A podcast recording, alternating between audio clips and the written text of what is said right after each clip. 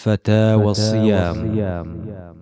فتاوى الصيام قراءة من فتاوى الصيام من مجموع فتاوى ورسائل فضيلة الشيخ محمد بن صالح العثيمين رحمه الله تعالى. الحلقة الثانية والعشرون. سئل فضيلة الشيخ رحمه الله تعالى من وجب عليه صيام شهرين متتابعين فقطع التتابع بعذر شرعي فهل ينقطع التتابع؟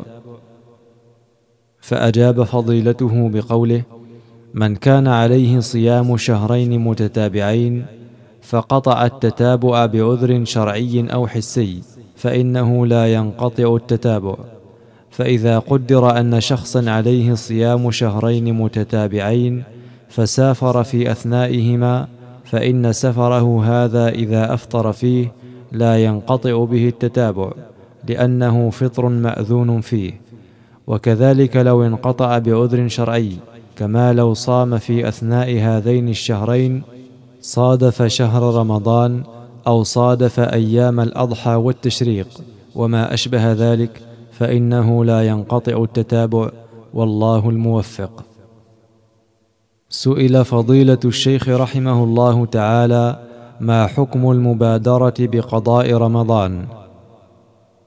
فأجاب فضيلته بقوله المبادرة بقضاء رمضان أفضل من التأخير لأن الإنسان لا يدري ما يعرض له وكونه يبادر ويقضي ما عليه من دين الصوم أحزم وأحرص على الخير.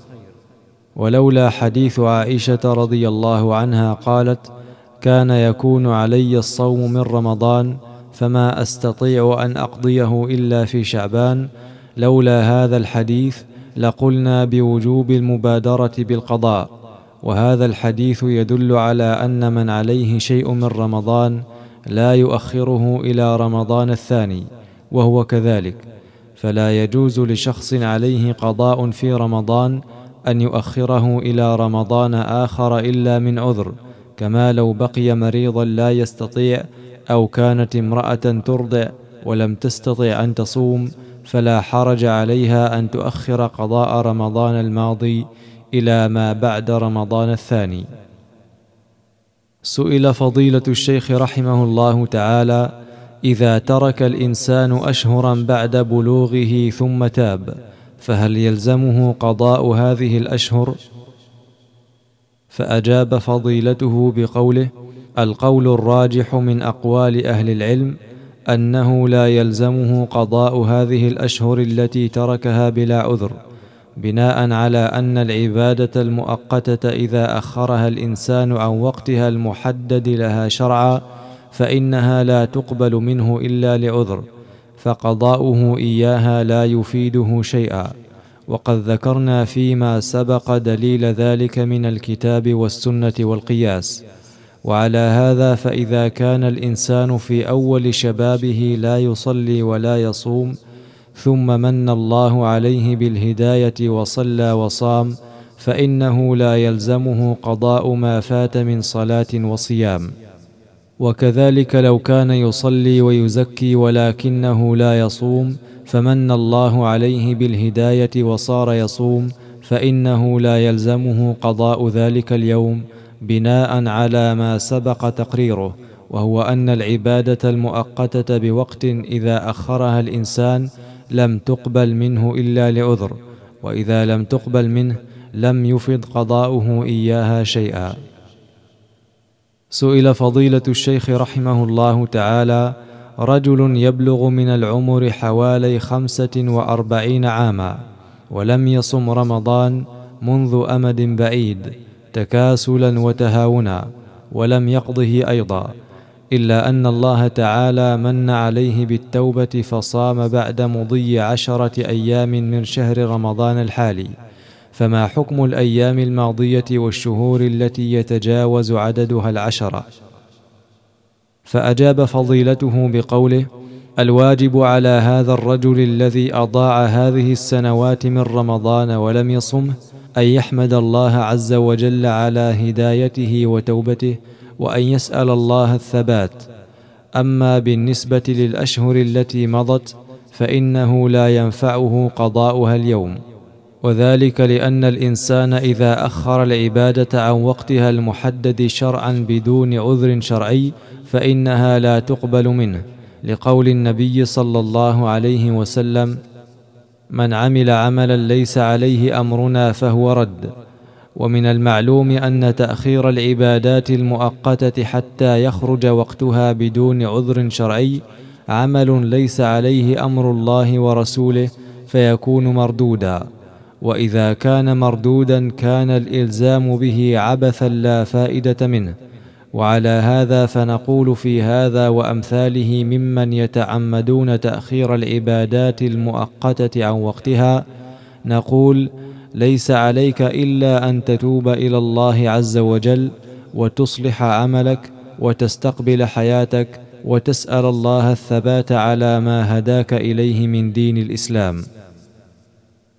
سئل فضيلة الشيخ رحمه الله تعالى أنا شاب أبلغ من العمر سبعة وعشرين عاما وكنت ضالا ضلالا بعيدا وتبت إلى الله توبة نصوحا ولله الحمد.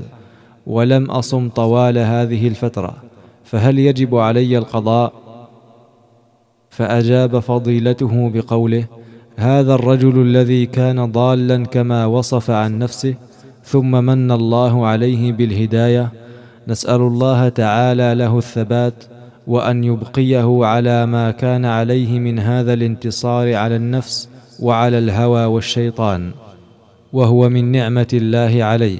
ولا يعرف الضلال إلا من ابتلي به ثم هدي إلى الإسلام. فلا يعرف الإنسان قدر الإسلام إلا إذا كان يعرف الكفر. ونقول لهذا الرجل نهنئك بنعمة الله عليك بالاستقامة ونسأل الله تعالى أن يثبتنا وإياك على الحق. وما مضى من الطاعات التي تركتها من صيام وصلاة وزكاة وغيرها لا يلزمك قضاؤه الآن لأن التوبة تجب ما قبلها. فإذا تبت إلى الله وأنبت إليه وعملت عملا صالحا فإن ذلك يكفيك عن إعادة هذه الأعمال.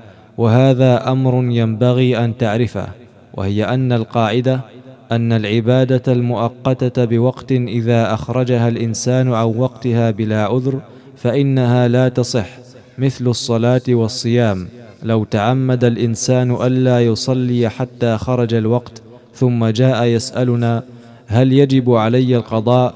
قلنا له لا يجب عليك. ولو أن احدا ترك يوما من رمضان لم يصمه. وجاء يسألنا هل يجب علي قضاء؟ نقول له لا يجب عليك القضاء لأن النبي صلى الله عليه وسلم يقول من عمل عملا ليس عليه أمرنا فهو رد. وأنت إذا أخرت العبادة المؤقتة عن وقتها ثم أتيت بها بعد الوقت فإنك أتيت عملا ليس عليه أمر النبي صلى الله عليه وسلم فتكون باطلة ولا تنفعك. ولكن لو قال قائل رجل نسي الصلاة حتى خرج الوقت هل يقضيها؟ نقول نعم تقضيها لقول النبي صلى الله عليه وسلم من نام عن صلاة أو نسيها فليصلها إذا ذكرها. ولكن لو قلت لي هذا الحديث يعارض كلامك حيث قلت إن الإنسان إذا ترك الصلاة متعمدا لا يقضيها ووجه المعارضة أنه إذا كان النبي صلى الله عليه وسلم ألزم الناس وهو معذور بقضائها فالمتعمد من باب أولى. ولكننا نقول في الجواب الإنسان المعذور يكون وقت الصلاة في حقه إذا زال عذره فهو لم يؤخر الصلاة عن الوقت. ولهذا قال النبي عليه الصلاة والسلام فليصلها إذا ذكرها أما من تعمد ترك العبادة حتى خرج وقتها فقد أداها في غير وقتها المحدد فلا تقبل منه. سئل فضيلة الشيخ رحمه الله تعالى امرأة حاضت وقضت بعض الأيام التي عليها ولكن رمضان أدركها ولم تقض لأنهم قالوا لها لا يجوز القضاء في الشهر الذي قبل رمضان أي في شهر شعبان. فأجاب فضيلته بقوله نقول قضاء رمضان في شهر شعبان لا بأس به. يعني مثلا إنسان عليه قضاء من رمضان عام واحد وأربعمائة وألف فلا بأس أن يقضيه في شعبان لأنه ثبت في الصحيحين عن عائشة رضي الله عنها قالت كان يكون علي الصوم من رمضان فما أستطيع أن أقضيه إلا في شعبان. ولا حرج إذا قضاه الإنسان في شعبان. ولكن ما دامت هي قد غرر بها فإنها إذا انتهى رمضان هذه السنة تقضي الأيام التي عليها من العام الماضي وليس عليها سوى قضاء هذه الأيام. لأن الله تبارك وتعالى إنما أوجب القضاء فقط. فمن كان منكم مريضا أو على سفر فعدة من أيام أخر. وهي أيضا معذورة بسبب هذه الفتوى التي أفتيت بها وهي فتوى خاطئة ليست بصواب. وقد سبق لنا تحذير هؤلاء الذين يتعرضون للفتوى وهم ليسوا بأهل لها والله المستعان. سئل فضيلة الشيخ رحمه الله تعالى أفطرت يوما في رمضان بدون عذر شرعي فهل أصوم اليوم بيوم واحد أم بشهرين؟ فأجاب فضيلته بقوله لا ندري لماذا أفطر. إن كان بجماع وهو يعلم أن الجماع محرم فعليه الكفارة عتق رقبة فإن لم يجد فصيام شهرين متتابعين فإن لم يستطع فإطعام ستين مسكينا. أما إذا كان فطره بغير جماع فإن عليه أن يتوب إلى الله ويقضي اليوم الذي أفطره. سئل فضيلة الشيخ رحمه الله تعالى هناك كثير من المسلمين يعتقدون أن العبادة إذا فاتت أنها تسقط فإذا فاتت الصلاة عن وقتها لا تؤدى وكذا رمضان. فأجاب فضيلته بقوله سبق لنا قاعدة قلنا العبادات المؤقتة إذا أخرها الإنسان عن وقتها لغير عذر فإنها لا تصح منه أبدا ولو كررها ألف مرة وعليه أن يتوب والتوبة كافية.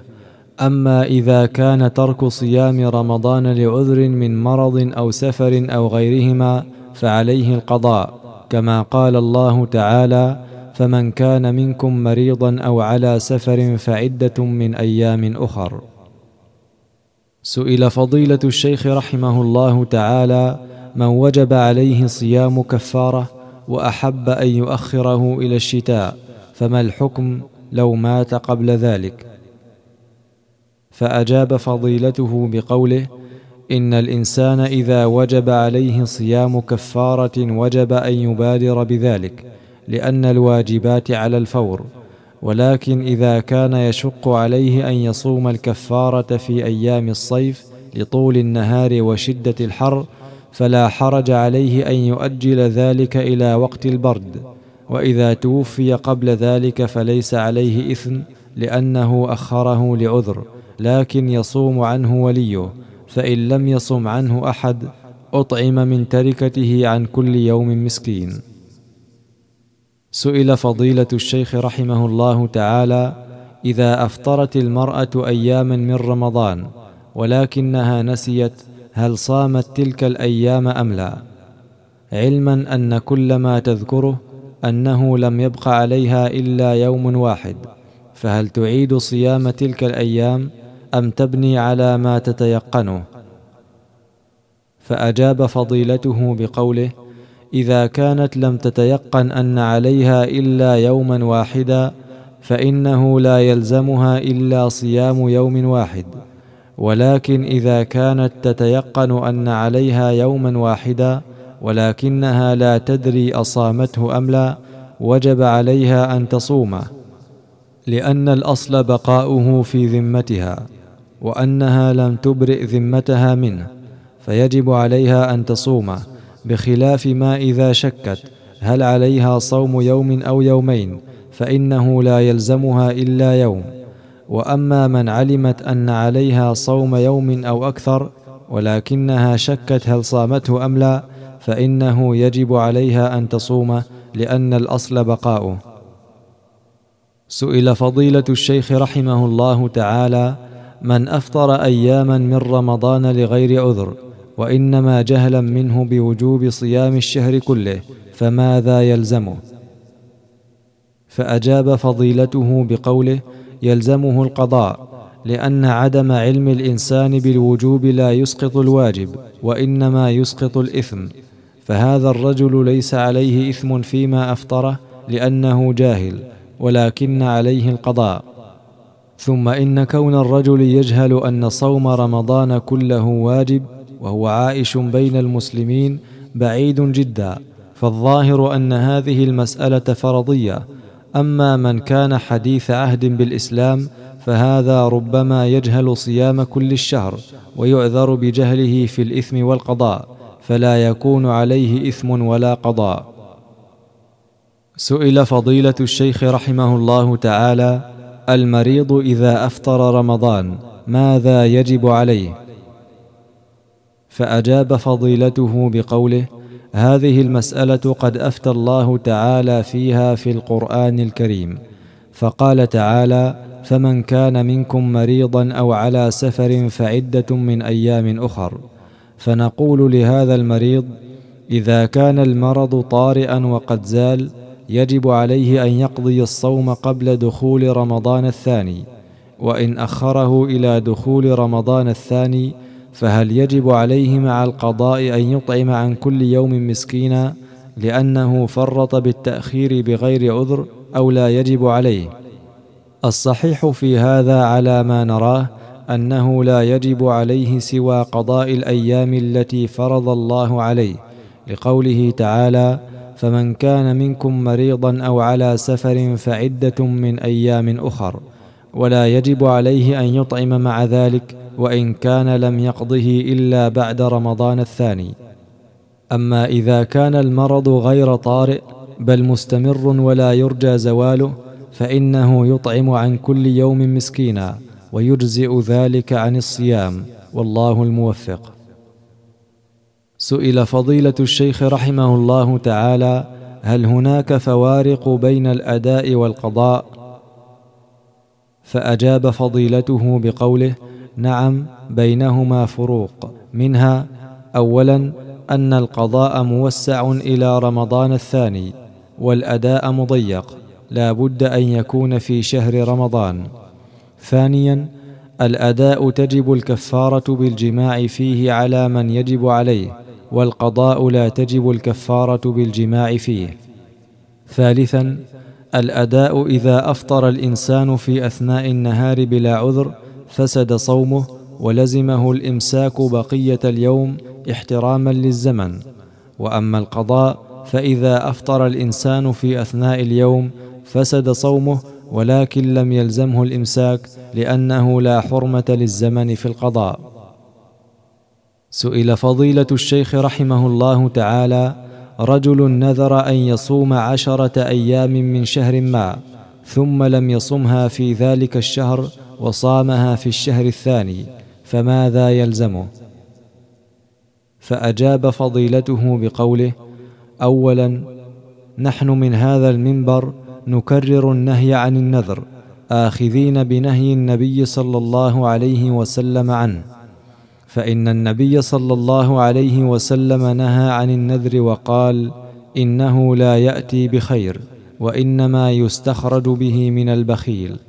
وما أكثر السائلين الذين يسألون عن نذور نذروها إما لوقوعهم في ضيق فينذرون إن نجاهم الله منه أن يتصدقوا أو يصوموا وإما لمريض كان عندهم ينذرون إن شفاه الله أن يتصدقوا أو يصوموا وإما لحصول الذرية ينظرون إن رزقهم الله أولادا أن يفعلوا كذا وكذا من العبادات.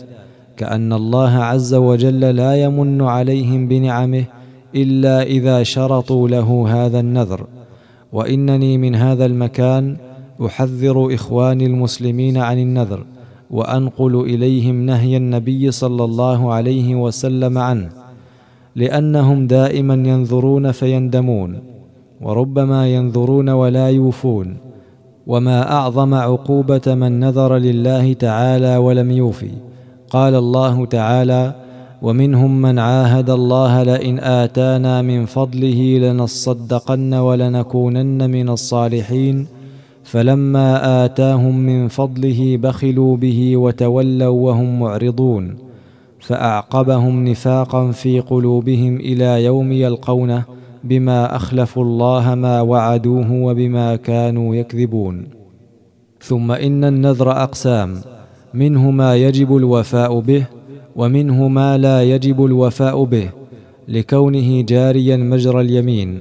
فإذا نذر الإنسان عباده سواء كان نذرا مطلقا أو معلقا قاصدا فعل تلك العبادة وجب عليه أن يأتي بهذه العبادة.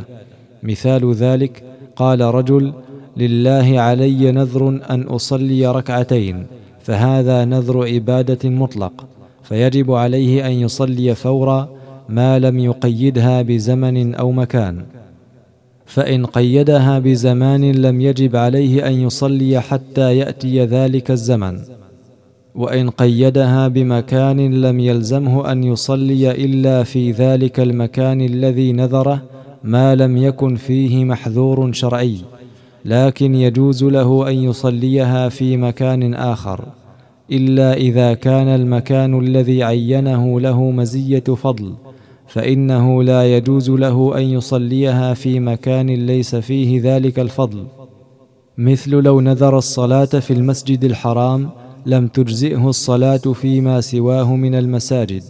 ولو نذر الصلاة في مسجد النبي صلى الله عليه وسلم أجزأه أن يصلي في المسجد الحرام بدلا عنه. ولو نذرها في المسجد الأقصى أجزأه أن يصلي في المسجد النبوي وفي المسجد الحرام أيضا. فإذا نذر الأعلى لم تجزئ الصلاة فيما دونه وإن نذر الأدنى أجزأت فيما هو أعلى منه. والمهم أن نذر العبادة يجب الوفاء به سواء كان مطلقا كما مثلنا أم معلقا. كما لو قال إن شفى الله مريضي فلله علي نذر ان اصوم شهرا أو قال ان نجحت في الامتحان فلله علي نذر ان اصوم ثلاثة أيام أو ان اصوم يوم الاثنين والخميس من الشهر الفلاني أو ما اشبه ذلك فيجب عليه الوفاء بذلك لعموم قوله صلى الله عليه وسلم من نذر ان يطيع الله فليطعه أما إذا كان النذر جاريا مجرى اليمين أي لا يقصد التعبد لله تعالى بهذه العبادة المعينة وإنما يقصد الناذر أن يمتنع من فعل معين أو أن يلتزم بفعل معين مثل أن يقول لله علي نذر الا ألبس هذا الثوب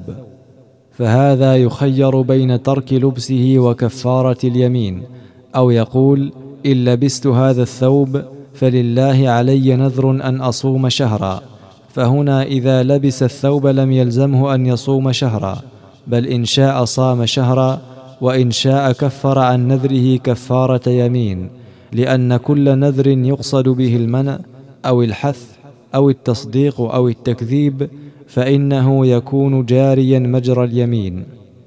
بعد هذا نرجع إلى جواب السؤال الذي تقدم به السائل. وهو أنه نذر أن يصوم عشرة أيام من شهر ما ثم لم يصمها في ذلك الشهر وصامها في الشهر الثاني. فنقول له إن عليك كفارة يمين لأن نذره تضمن شيئين تضمن صيام عشرة أيام وأن تكون في هذا الشهر المعين. فلما فاته أن تكون في هذا الشهر المعين لزمته كفارة اليمين لفوات الصفة. وأما الأيام فقد صامها. وأخيرا أرجو من إخواني المسلمين ألا ينذروا ويكلفوا أنفسهم بهذه النذور وألا يلزموا أنفسهم بما لم يلزمهم الله به وألا يفعلوا شيئا يندمون عليه وربما لا يوفون به فيقع عليهم ما وقع على من عاهد الله لئن آتانا من فضله لنصدقن ولنكونن من الصالحين. فلما آتاهم من فضله بخلوا به وتولوا وهم معرضون فأعقبهم نفاقا في قلوبهم إلى يوم يلقونه بما أخلفوا الله ما وعدوه وبما كانوا يكذبون. أخشى أن يقع الإنسان إذا نذر لله نذرا كهذا الذي ذكره الله عز وجل ثم لم يوف به أن يعقبه الله تعالى نفاقا في قلبه إلى الممات. إنني أرجو وأكرر رجائي أن ينتبه إخواني المسلمون إلى هذه المسألة وأن ينتهوا عن النذر كما نهاهم عنه نبيهم محمد صلى الله عليه وسلم والله المستعان. سئل فضيلة الشيخ رحمه الله تعالى إذا أخر قضاء رمضان إلى رمضان الثاني بلا عذر فماذا يلزمه؟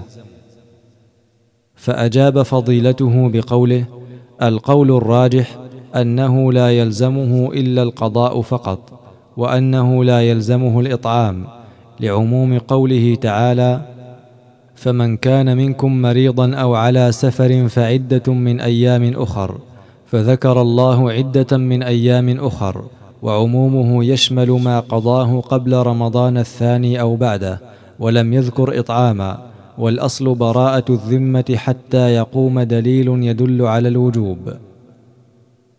سئل فضيلة الشيخ رحمه الله تعالى ما حكم من أخر القضاء حتى دخل رمضان التالي؟ فأجاب فضيلته بقوله تأخير قضاء رمضان إلى رمضان التالي لا يجوز على المشهور عند أهل العلم لأن عائشة رضي الله عنها قالت كان يكون علي الصوم من رمضان فلا أستطيع أن أقضيه إلا في شعبان. وهذا يدل على ألا رخصة بعد رمضان الثاني. فإن فعل بدون عذر فهو آثم وعليه أن يبادر القضاء بعد رمضان الثاني.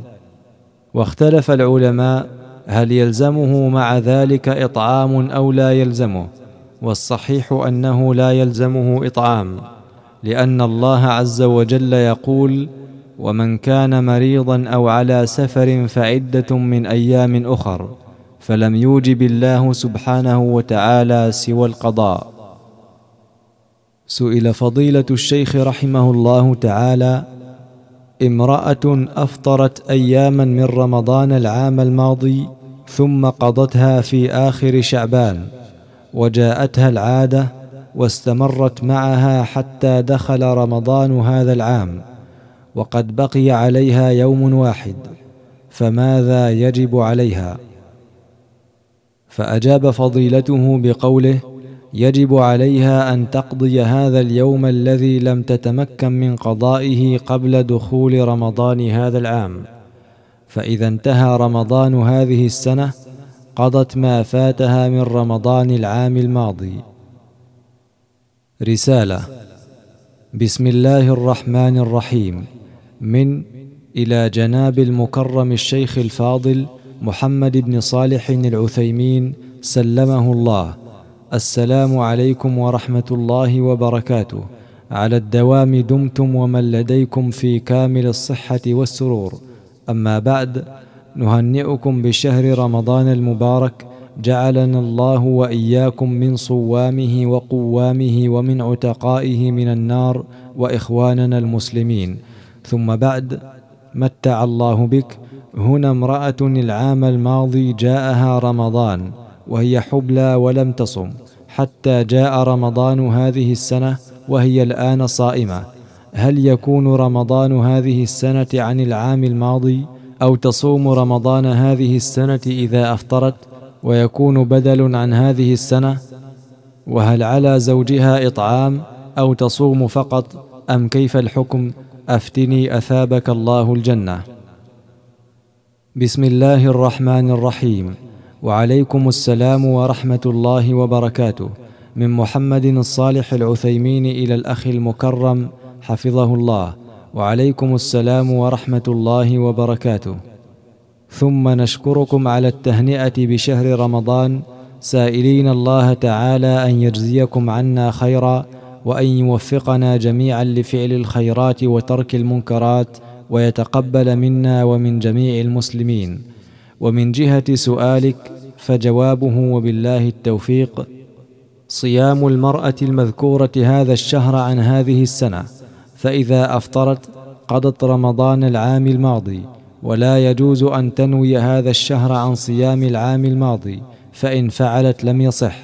وإذا أفطرت من هذا الشهر وصامت عن العام الماضي فإن كان تأخيره إلى بعد رمضان هذه السنة لعذر فلا شيء عليها مع الصيام.